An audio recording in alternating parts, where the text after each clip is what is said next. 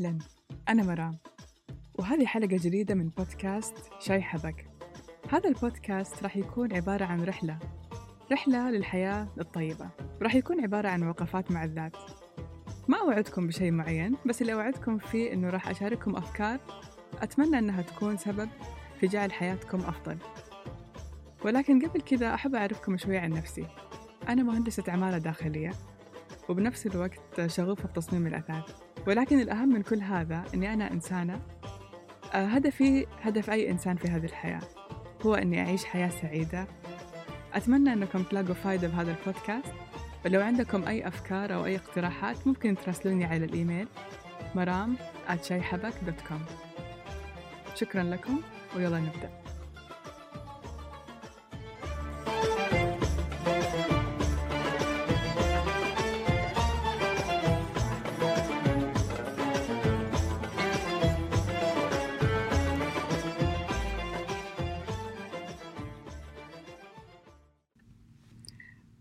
هذه المرة أنا أعترف إني طولت ويمكن طولت كثير.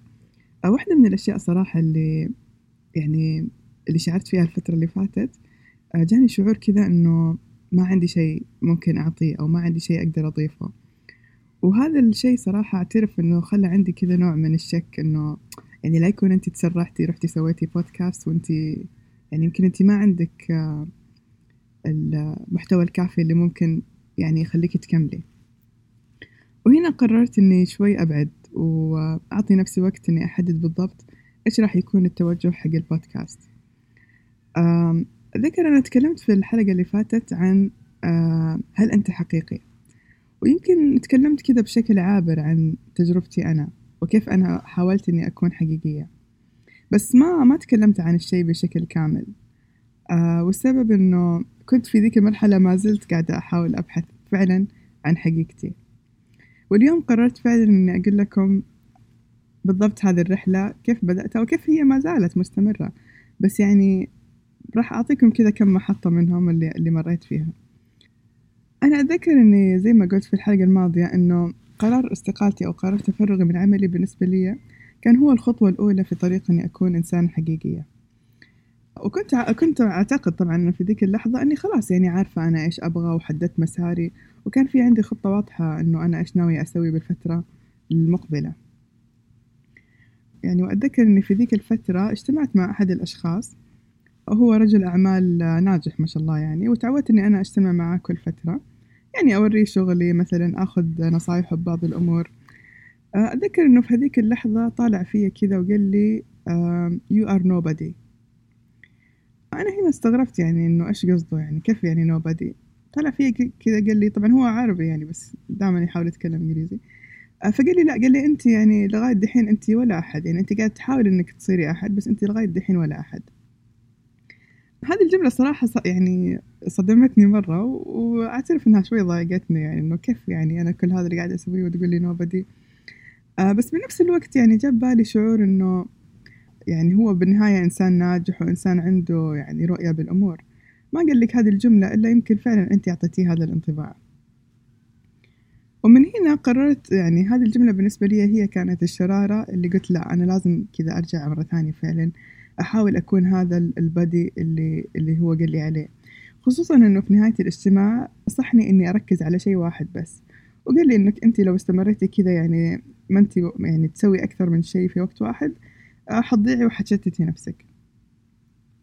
وهنا قررت فعلا إني أبدأ البحث عن ذاتي بس هذه المرة قررت إني أغوص للداخل أكثر وأكثر عشان أكتشف بالضبط إيش هو هذه الشغلة الوحدة أو العمل الواحد اللي لو أنا ركزت عليه آه، ممكن آه، إني أنجح.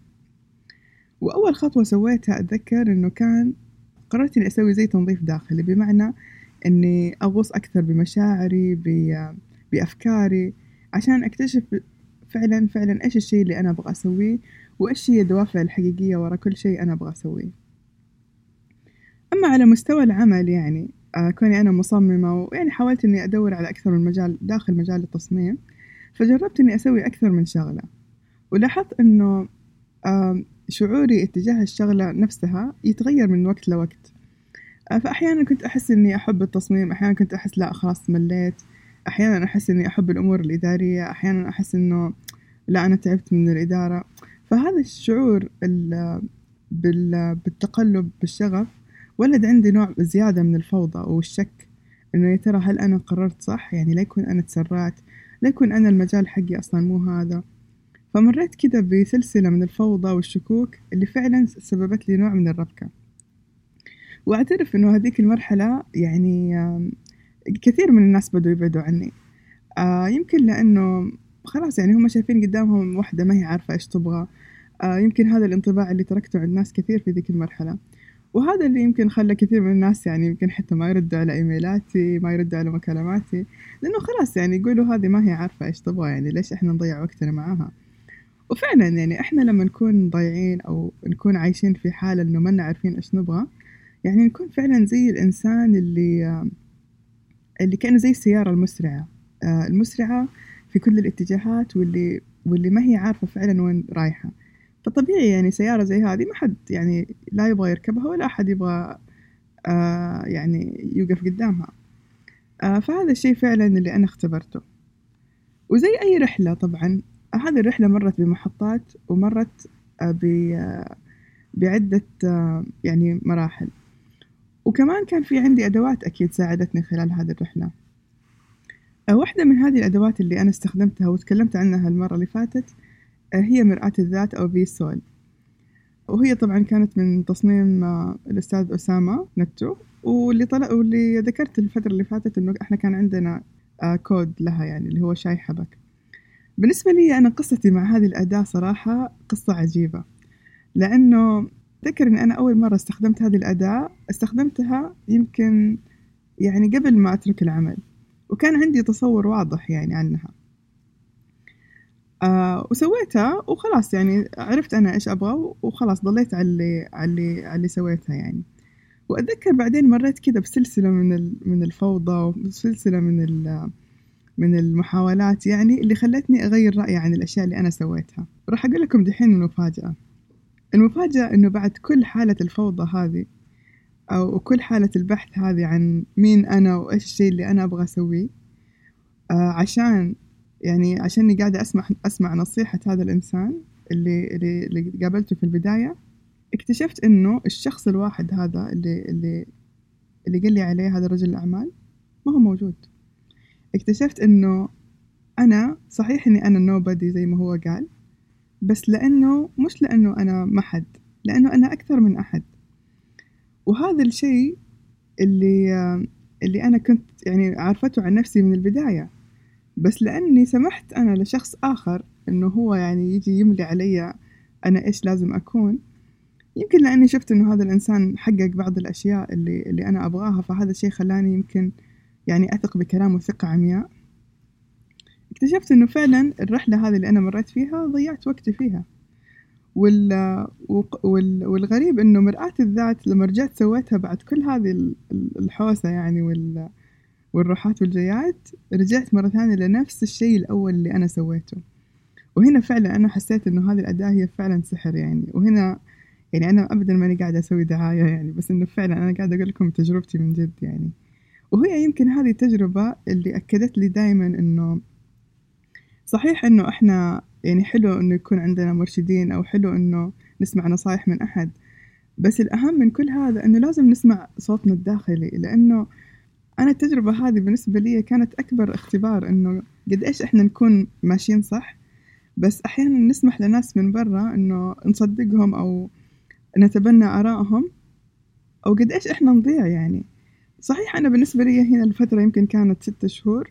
بس البعض يمكن عمره كامل يضيع بسبب آه، فكرة قال أحد قالها له أو قناعة معينة هو تبناها لمجرد إنه أحد يعني أملاها عليه.